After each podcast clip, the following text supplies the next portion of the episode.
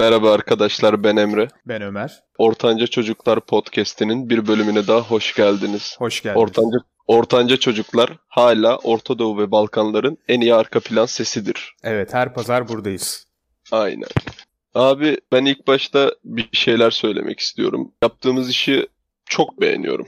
Gerçekten yani hani pozitif geri dönüş de alıyoruz. Bu da çok hoşuma gidiyor ve kanal şu an 400 aboneyi geçti. Bunun için hepinize çok teşekkür ederim. Bizi dinlediğiniz için, paylaştığınız için gerçekten çok teşekkür ederim. Yani tahmin ettiğimizden daha iyi bir şekilde başladık. İnşallah daha iyi bir şekilde devam ettiririz abi. Hı hı. Ömer, bayağıdır konuşamıyoruz. Bayram falan girdi araya. Bayramda ne yaptın abi? Bayramda ilk iki gün evdeydim. Ablamla yaşıyorum ben. Sonra üçüncü gün ailemin yanına da gideyim dedim. Ee, Çatalca'da yaşıyorlar ailemde. Hı hı. Ee, onlarla geçirdim. Yani sakin bir bayram oldu benim için. Pek tatile de gidemedim yani. Sen neler yaptın? Ben de abi ailem taşındı Edirne'ye zaten. Ben de akrabalarım Ümraniye'de oturuyor. Hani Kevin Durant'in kaybolduğu ünlü ilçedeler. Ee, oraya gittim. Akrabalarımın yanına gittim. Ailemle orada buluştum. Ee, bayramın ikinci günü falan da şehrime, Bursa'ma geri döndüm.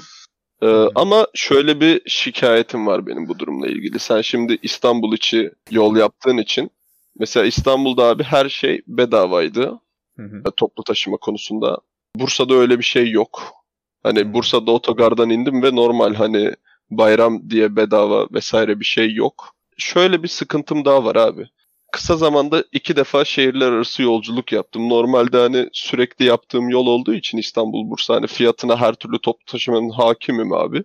Hı hı. Ama şimdi korona vesairenin bahanesiyle fiyatlar çok fahiş olmuş. Hani fahişten kastım kaldırılamayacak bir ücret değil ama eski fiyatla karşılaştırdığın zaman abi gerçekten ya iki katı bazı yerlerde üç katına çıkmış yani fiyat. Evet neredeyse bütün 80 milyon olarak herkes euro, dolar, ve altın e, durumunu, borsayı ta- hiç bilmeyen bir insan bile artık takip etmeye başladı. Öyle bir duruma geldi ki değil mi artık? Gündemimizde para- sadece para artık şu an zaten. Aynen abi bak bu para işi ya mesela ben şeyi anlamıyorum abi. Dolar tüm dünyada değer kaybediyor. Bunun en baba sebeplerinden biri de Trump. Yani hani insanlar Trump'ın başında olduğu bir ülkeye hani çok fazla güvenemedikleri için yatırımlarını da biraz daha azaltıyorlar. Ve Hı. dolar gerçekten böyle TL harici ender böyle para birimlerine ne bileyim Uganda kukulelesi falan tarzı böyle aptal şeyler hariç hep değer kaybediyor. Ama Türkiye'de gitgide TL daha hızlı değer kaybettiği için mi dolar yükseliyor? TL'nin de değer kaybetmesi bunu bu durumu kesinlikle etkiliyor zaten. Abi para ya. Hayat para abi. Para konuşalım. Yani olaya biraz değişik taraftan bakacağım. Şimdi biraz olaya teknik kısımdan girdin sen ama biraz değiştirmek istiyorum. Biraz daha böyle sokaktan konuşayım. Mesela her zaman böyle sokak röportajları olmuştur. Böyle sorarlar para mı, aşk mı ya da para mı ya da başka bir durum nedir yani hangisini seçersin? Her zaman aşk ya da paranın karşısında ne sunulmuşsa onu seçiliyor. Ama gerçeğe baktığın zaman aslında herkes parayı seçiyor değil mi? Yani neredeyse hepimiz gerçekten seviyoruz parayı. Kabul etmesek de. Bu ka- kabullenememezlik sence nereden geliyor? Parayı sevince kötü bir insan, yani basit bir insan olduğumuz mu insanlar algısına kapılabiliyor da ben parayı seviyorum diye çıkıp birisi diyemiyor. Ee, ben parayı seviyorum. Ee, bunu ilk başta söyleyeyim. Arkadaşlar hani bu konuda bir yanılgınız olmasın. ben ben parayı gayet seviyorum. Para dünyadaki en değerli şey değilse bile en değerli ikinci şey falan olabilir. Hani artık herkesin sıralaması kendine özel ama özellikle Türkiye gibi bir ülkede paranız yoksa gerçekten hiçbir şeye sahip olamıyorsunuz. Eskiden şöyleydi abi. Ekonomik durum özellikle 2013 öncesine baktığında biraz daha iyi olduğu için hani insanlar paraya nispeten daha az değer veriyordu. Çünkü hani çoğu Türk insanının istediği şey yaşamını idame ettirebilmek. Hani gereklerini karşılamak. Türk insanının para biriktirme gayesi çok yoktur. Maaştan maaşa yaşar. Pasif geliri çok yoktur. Aktif geliri işte bu aldıkları maaşlar, yevmiyeler artık nasıl bir para sistemi içindelerse bunlara bakarak hayatını planlar ve hani tüm jenerasyonlar da böyle planladığı için buna alışmıştır. Bir para kazanmak ailenin üzerinde bile yani sana karşı bir e, saygı uyandırıyor gibi bir durum var. Yani annem babam mesela sen para kazandığın zaman sana saygı duymaya başlıyor. Yani neden başka bir şey yaptığın zaman bu kadar değil ama sadece para kazandığın zaman yani o kadar önemli bir şey ki demek ki artık içimize kazanan. Para deyince en çok mesela aklına ne geliyor? Abi para deyince benim aklıma imkan gelebiliyor. Şimdi bak e, biraz daha kendimizi tekrar ediyor gibi olacağız ama eski yaşantıyla, eski e, yaşama biçimiyle şimdikine bak biraz. Mesela eskiden abi insanlar biraz da izole yaşıyordu. Hani izoleden kastım kendi hallerine değil. Ne vardı abi? Mahalle kültürü, yakın çevren vesaire falan vardı. Telefon melefon etmediğin sürece teyzenin ne bileyim amcanın aynı mahallede oturmuyorsa ne yaptığından çok haberin olmuyordu. Şimdi sosyal medya gibi bir lanet var biraz. Hı. Hani bu lanetten dolayı herkes dakika başı herkesten haber olabiliyor. Bak sadece bir kere bir yerde karşılaştığın bir adamı Instagram'dan eklediğin zaman adamın hayatının tüm milestone'larını görebiliyorsun. Çünkü adam hikaye atıyor. Para insanları sıralamaya koyabileceğin, karşılaştırabileceğin en temel araç şu an. Ondan dolayı çok fazla değere bindi. Şöyle abi mesela basit bir şekilde düşün. İkimiz de atıyorum 25 yaşındayız değil mi? Hı hı. E, şu an ikimiz de öğrenciyiz. Ama öğrenci olmasaydık ikimiz de iş yapıyor olduğumuzu düşün. Atıyorum ben X işini yapıyorum. 5000 TL para kazanıyorum. Sen Y işini yapıyorsun. 6000 TL para kazanıyorsun. Hani insanlar bunu bildiği zaman şöyle düşünüyor basit bir şekilde. 6000 TL kazanan adam daha önemli olduğu için 6000 TL kazanıyor. E bu adam neden daha önemli kısmını vesaireye bakmıyorlar? Hmm. Ve hani sıralama yaparken akıllarında mesela da 6000 TL'yi kazanan 5000 TL'ye göre daha öne geliyor. Hani insanlar mesela hani bak basit bir şekilde her şeyi sıralamak istersin. En sevdiğin kıyafet yok mu? Var. En sevdiğin yemek yok mu? Var. E, hani en yakın arkadaşım veya arkadaşlarım diyorsun. İnsanlar zaten özünde her şeyi böyle hani belli bir değer sırasına koyan hı hı. E, varlıklar. E, şu an hani diğer insanları da sınıflandırmanın en kolay yolu para ve maddi gelir ve bununla yaşadıkları refah. Hani bunların arasında en temel şey para. E, Türkiye'nin para birimi de Türk lirası. Ondan dolayı çok konuştuğumuz şeyler para ve Türk lirasının durumu abi. Evet, hani mesela yurt dışındaki akrabalar falan işte eskiden neyle övünürdü abi? Almancı adam gelirdi çikolata getirmesiyle övünürdü. Hani Nussbauser mi, Nussenbauser mi ne böyle çok efsane bir fındıklı çikolataları var ya. evet. Abi adamlar eskiden bununla bilinirdi. Almancılık işte bozuk aksanları falan. Yani Cennet Mahallesi'nin eski bölümlerine bak. Orada platin sarı saçlı bir tane kız var Almancı parasıyla hatırlamıyorsun ki abi sen. Garip aksanıyla hatırlıyorsun. Çünkü o zamanlar durum öyleydi. Şimdi öyle değil abi. Twitter'a gir mesela. Adamlar bir haftadır Euro'nun değerlenmesinden dolayı para kaybedemiyorlar. Mesela evet. bununla ilgili konuşuyorlar. Hı hı. Hani şöyle diyebilir mi? Mesela şimdi sen dedin ki biz iki gençiz. Milyonlarca bizim gibi genç var. Yani aramızdan birisinin bir sağlık problemi yoksa aklına gelebilecek ilk durum yani sosyal hayatı ve paradır. Bunu yöneten durumda otomatikmen para oluyor değil mi? Para olmadan nereye çıkabiliyoruz? Yani nereye gezebiliyoruz? Her şey neredeyse ona bağlı dolaylı yoldan. Paranın satın alacağı bir sürü soyut değer var değil mi? Fakat para gerçekten yaşam tarzımızı, mutluluğumuzu doğru kullanılabildiğinde etkileyen bir durum. Herkesin de derdin aslında para olduğuna şaşmamak gerekir. Kulağa çok garip gelen şeyler var mesela parayla ilgili benim gördüğüm. İlk önce abi söylemek istediğim şeylerden biri para artık fiziki bir varlık olmaktan öteye geçti. Bunda ne demek istiyorum? Şöyle abi. Evet. Dünyada var olan paranın sadece yüzde yedisi basılı para yani kağıt veya metal para. Tüm para birimlerini düşün. Dünyadaki abi var olan paranın yüzde 93'ü artık dijital. Yani bu ne demek? Artık hani kredi kartı veya banka hesaplarıyla insanlar alışverişlerini yaptıklarından dolayı fiziki olarak para aslında hani fiziki olarak senin gördüğün para sadece dünyadaki paranın yüzde yedisi. Hani bu hmm. film sahnelerinde bile oda dolusu para oluyor ya abi. Evet. O paralar bile insanların gözüne nasıl geliyor? Bu buzdağının görünen parçası bile değil yani anladın mı? Görünen parçasında böyle bir çıkıntı sadece. %93'ü paranın dijital mesela. Hani biz para yüzyıllardır, milenyumlardan beri var, Lidyalılardan beri var. Ama dijital para dediğin şey çok kısa süredir var. Ama evet. buna rağmen paranın %93'ü dijital abi. Ve devletler için de bu dijital para olayı yani konuştuğumuz şeyde burada kripto para yani neyle çıktı bu durum? Bitcoin ile çıktı. Aracı artık bankalar olmayacak. Kripto parada değil mi? Herhangi bir merkezi yok. Sadece alıcı ile satıcı arasında ya da gönderen hesapla alıcı hesap arasında gerçekleşen bir durum kripto para transferinde. Ve bu nedenle de devletin gerçekten artık keseceği de bir vergi yok Bu ileride de devletleri çeşitli çeşitli vergiler getirilebileceği konuşuluyor. Ne diyorsun bu durum hakkında? Yani gerçekten bir risk ve bir ülke için, bir hükümet için tehdit olabilir mi kripto para durumu ileride? Şöyle olabilir. Ülke konsepti bile değişebilir bak. Ee, şöyle düşün. Abi bir ülke mesela bizim bildiğimiz klasik anlamda ne? Belli sınırlar içinde belli bir toprak parçası, e, işte bir bayrak, bir milli marş. Şimdi ben bu işin kitabını okumadığım için ülkeyi ülke yapan nedir çat çat sayamam.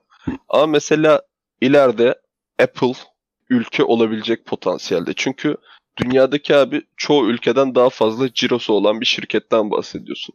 Eğer bir ülkeyi ülke yapan şey mesela öncelikli olarak para olursa hı hı. ülkelerin tabii ki riske girecek. Yani ülkelerin bütünlüğü tabii ki riske girecek. Mesela düşün abi bak en basitinden bir örnek verelim. Saçma gelecek insanlara belki ama Michael Jordan basketbol oynarken Nike ile anlaşmalıydı.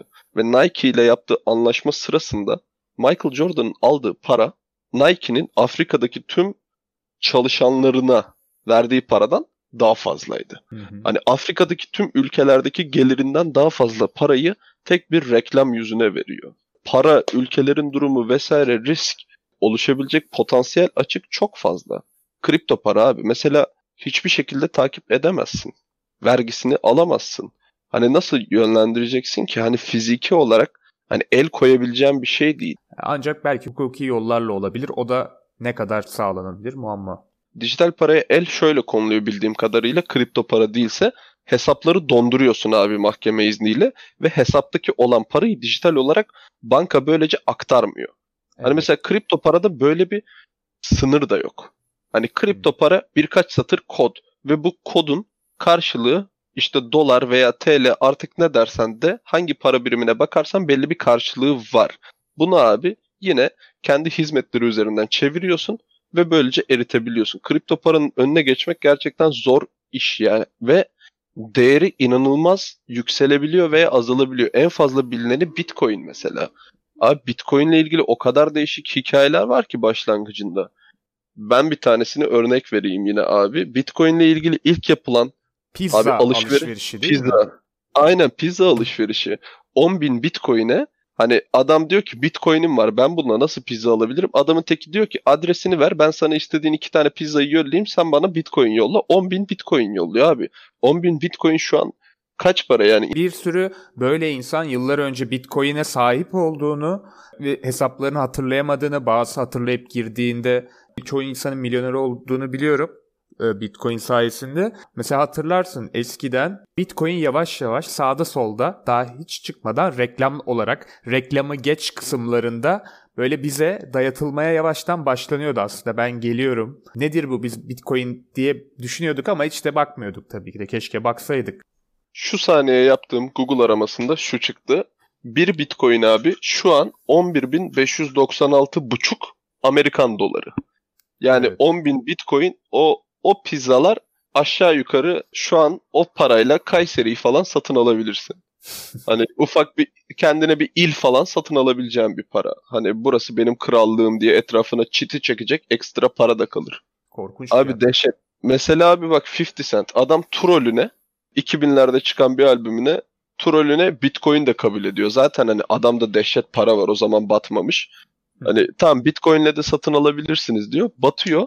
Battıktan sonra da Bitcoin abi iyicenin muhabbeti geçince patlayınca meraktan tekrar bakıyorlar. O albümlerin satışından bilmediği böyle 8 milyon dolar çıkıyor adamın 7-8 milyon dolar. Adam böyle bir kendini kurtarıyor. Mesela çok saçma abi ya. Zamanında bu işe neden girmedik diye böyle kafamızı duvarlara vurduğumuz saçma bir olay daha yani kripto para. Evet kesinlikle öyle. Gelecekte mesela dedin ya şimdi Apple bir ülke olabilir. Neden olmasın? Yani bir en azından bir özelliğini böyle bir firmalar e, ilan bile edebilir. Çünkü bu kadar da teknolojinin de ilerlemesiyle sınıf ayrımı iyice yani eski yıllardaki burjuvazi dönemindeki gibi sınıf ayrımı olacak ve daha da artacak ve gelir eşitsizliği de giderek artacak haliyle ve çok değişik günlerde bekliyor insanları bence. Gelecek 30-40 yıldan sonra da. Ne olacağını kestirmek de zor ama ufak tefek tahminler yapılabilir. E, bunun üzerine kitaplar yazılıyor gerçekten. Kitap önerisi evet. isteyen olursa da e, mail atabilir ya da bize ulaşabilirler istediğiniz yerde.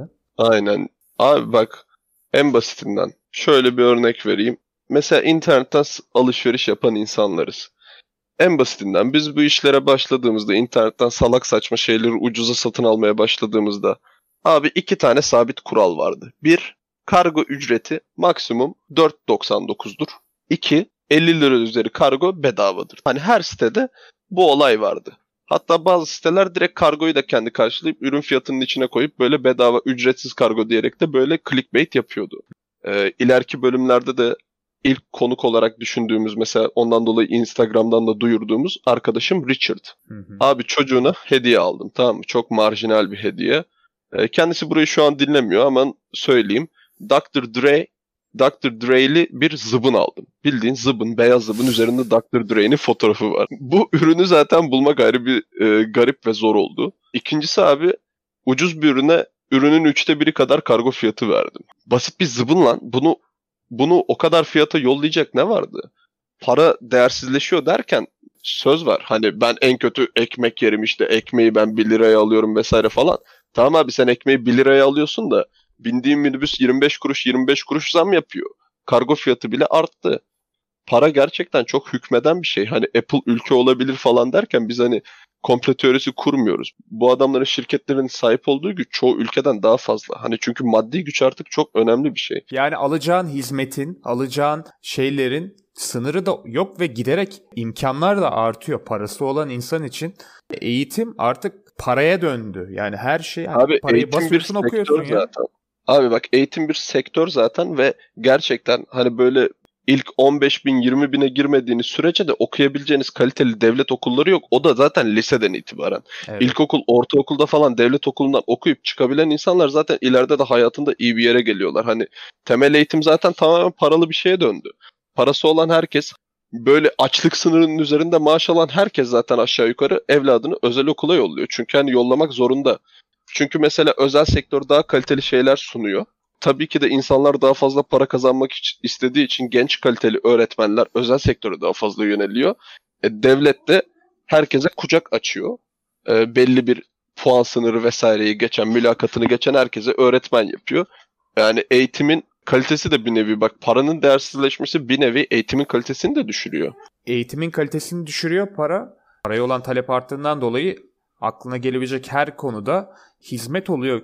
Öyle abi bak 2000'lerin Türkiye'sinde ben Dr. Dre'li zıbın alabilir miydim? Alamazdım. Tabii. Hani bak paran olduğu sürece böyle absürt isteklerini bile karşılayabilecek bir sektör evet, var. Çok güzel bir yere parmak bastın. Her zaman yani bunu bir söylemek istemiştim. Şöyle bir algı da var insanlar değil mi? Mesela 10 sene önce aldığın arabayı alabiliyor muydun? Önceden her yer diyelim Şahin araba kaynıyordu. Şimdi herkeste e, iyi model arabalar var. O zaman ne, nasıl yani iyiye mi gidiyoruz, kötüye mi gidiyoruz? Aslında olan şey şu. Teknoloji gelişiyor. Geliştikçe teknolojiyi de ithal ediyoruz. Paramız aynı kalsa da daha da kötüye gitse yine de daha iyi şeylere ulaşabiliyoruz. Bunların hepsi teknolojinin gelişmesi sayesinde ve bizim ülke olarak te- dünyadaki teknolojinin gelişmesine de gram katkımız yok. Sadece alıp onu da kullanıyoruz yani aslında. Abi bakımda. Türkiye dehşet bir tüketim toplumu. Asla yani üretim konusunda gerçekten inanılmaz zayıfız. Bak yemin ediyorum herhalde çay ve fındık olmasa zaten dışarı verebileceğimiz bir şey kalmadı. Buğdayı bile ithal ediyoruz. Abi bak mesela özellikle sigara ile ilgili abi e, şöyle ufak bir anekdot geçeyim. E, Dünya Sağlık Örgütü'nün e, ülkeleri sigara kullanma oranını azaltmak için dayattığı kanunlar vardı. Dünyada bunu uygulayan 7 ülkeden biri Türkiye. Genel olarak kanunlar aslında basit işte açık alanlarda sigara içmemek vesaire. Yani Türkiye'de de son 10 yıldır falan uygulanan kanunlar ama en sıkıntılı olan kanun benim gördüğüm sigaraya abi Dünya Sağlık Örgütü inanılmaz yüksek oranlarda zam yapın insanların sigara alacak parası olmasın diyor kısaca. Hı. Türkiye bunu insanlar sigarayı bıraksın diye değil gerçekten para kazanmak için yapıyor. Abi bak yurt dışına giden bir adamdan ne istiyorsun? Ya alkol istiyorsun ya sigara istiyorsun. Ülkede pahalı olan böyle keyfi ürünleri yurt dışından istiyorsun. Hı hı. Veya parfüm. Abi parfüm pahalı. Bak ayakkabıya %20 zam geldi. Ulan kara lastikle mi dolaşacağız abi biz? Çarıkla mı dolaşacağız? Hani ülkede ayakkabı üreten kim var doğru düzgün? Evet. İnternette ayakkabı indirimi olduğu zaman millet makarna yiyip ayakkabı almak zorunda kalıyor. Hani her şeye istemsiz olarak bir zam yapıyoruz ve toplum tüketmeye acayip alışkın bir toplum. Hani üretmeye hiç alışkın olmayan bir toplum. Gerçekten büyük evet. şehirlerde ben üretici bir insan görmedim. Kesinlikle. Herkes tüketime açık. Şimdi çıkıp birisi diyebilir ki işte bir sürü akademisyenimiz var, bir sürü profesörümüz var. Evet onlar saygı duyulması gereken insanlar. Kendi adlarına çok başarılı olmuş da olabilir ama bir icat yapan var mı mesela değil mi? On binlerce akademisyen arasında ya da bir e, çok saygıdeğer profesörlerimiz ve düşünürlerimiz var ama gerçekten Ya- ne yaptık ki hani bir tarihe girebilecek kaç tane insanımız var o anlamda değil mi? Abi hayır. Bir de bak hani dönem öyle bir dönem ki herhangi bir başarıya ulaşan herkes politikleştirilmeye çalışıyor. Ülkede bak yaratıcılık e, değişik bir kafa yapısına sahip. Bak ben bunu her zaman söylüyorum. Çoğu insana saçma geliyor ama kanseri tedavi edecek insan böyle kansere daha genel bir tedavi. Hani böyle ufak tefek spesifik şeylerle bahsetmiyorum. Büyük bir hastaneden veya ne bileyim dev laboratuvarlardan çıkmayacak abi. Bu adam büyük ihtimalle kendi bodrumunda böyle hani ikinci el beher glasları falan olan bir manyak olacak ve bodrumunda böyle loş ışıkta sigarasını içe içe böyle ben bu kanseri tedavi edeceğim falan diye kafaya takmış bir insan olacak. Hani yaratıcılık gerçekten zor bir şey. Hani endüstrileştirilmesi zor bir şey. Hı. E, ülkede herkes böyle bir şeyleri yapabilmek için para istiyor. Neden istiyor? Çünkü imkanı yok. Hani en basitinden dalga geçtiğimiz o beher glası bile Paşabahçe üretmiyor. Hı hı. Bak ben tıp fakültesinde okuyorum ve e, mesela hematoloji yani kanla ilgili kan bilimleri diyelim kısaca laboratuvarları var. Hani basit bir şekilde kan testleri nasıl yapılır vesaire. Hani elle nasıl yapılır? Şimdi hepsi makineleştirilmiş de. Abi bu elle yapılma kitlerinin üzerinde ne yazıyor biliyor musun? Ne yazıyor? Doğu Almanya'da üretilmiştir yazıyor. Doğu Almanya lan Berlin duvarı yıkılmadan önce alınmış ekipman. Yaratıcılık sadece Evet. e, şey değil. Hani maddi olarak da çok isteyen bir şey. Bilgiyi sadece taşıyoruz. Bilgiyi gerçekten oradan alıyoruz ve uyguluyoruz. Bizde uygulama çok güzel. Ama bir şey kurmak, böyle bir yeni bir şeyi yaratmak konusunda gerçekten sıfırız. Geçen işte essay yazmak üzerine konuştuk değil mi İngilizce bölümünde hani ya da ne bileyim CV doldur. Gördüğümüzü uygulamakta üstümüze yok fakat yaratıcılık konusunda gerçekten problem. Bu arada hani borsayla ilgilenmeyen bir insanın da şimdilik hani borsa iniyor çıkıyor vesaire bu tarz televizyonlardan görüp de kimsenin ciddi bir parayla da kimsenin gazıyla da tavsiyesiyle de borsa ya da e, al sat işlerine girmesini kesinlikle önermem. Paranız varsa cebinizde kalsın. E, sadece naçizane tavsiyem benim de. Evet. Benim onunla ilgili söylemek istediğim şöyle ufak bir şey var abi. Paranız varsa cebinizde dolar olarak kalsın arkadaşlar. E, dünyadaki abi para rezervinin %71'i de Amerikan doları. Yani aslında dünyanın para endeksi de Amerikan dolarına endeksli abi. Ondan dolayı hani para oturduğunuz yerden paranızın değer kaybetmesini istemiyorsanız dolara o konuda hani biraz daha yönelmenizi öneririm. Çünkü dünyadaki paranın %71'i dolar abi. Kaybederseniz dünyanın dörtte üçüyle beraber kaybedeceksiniz. Ondan dolayı çok üzülmeyin. Tabii ki de yatırım tavsiyesi değil. Bunu da söyleyeyim. Biz broker falan değiliz. Aynen bunu evde denemeyin. Evet. Aynen öyle. o zaman abone ola basarsanız gerçekten seviniriz. Giderek de büyüyoruz artık. Çok mutlu edersiniz bizi. Değil mi Emre? Ee, benim aynen kanal istatistiklerine göre şöyle bir şey söyleyeceğim ben de. İzleyicilerimizin abi %82.1'i abone değil. Ee, biz Evet. 400 aboneyi geçtik ve %82'niz abone değil diyor bize YouTube. Ne kadar biz YouTube'un yalancısıyız. Hani siz de abone olursanız bize çok yardım edersiniz. Belki bu işten para bile kazanabiliriz. Değil mi? Konu konu para ve paraya dönüyor olay. Kazanmasak da olur. Hiç sorun değil. Biz yine e, eğlendiğimiz Aynen. şekilde aynı şekilde devam edeceğiz. E, şimdilik hoşçakalın. Bir dahaki bölümde de görüşmek üzere. Kendinize iyi bakın. İyi günler.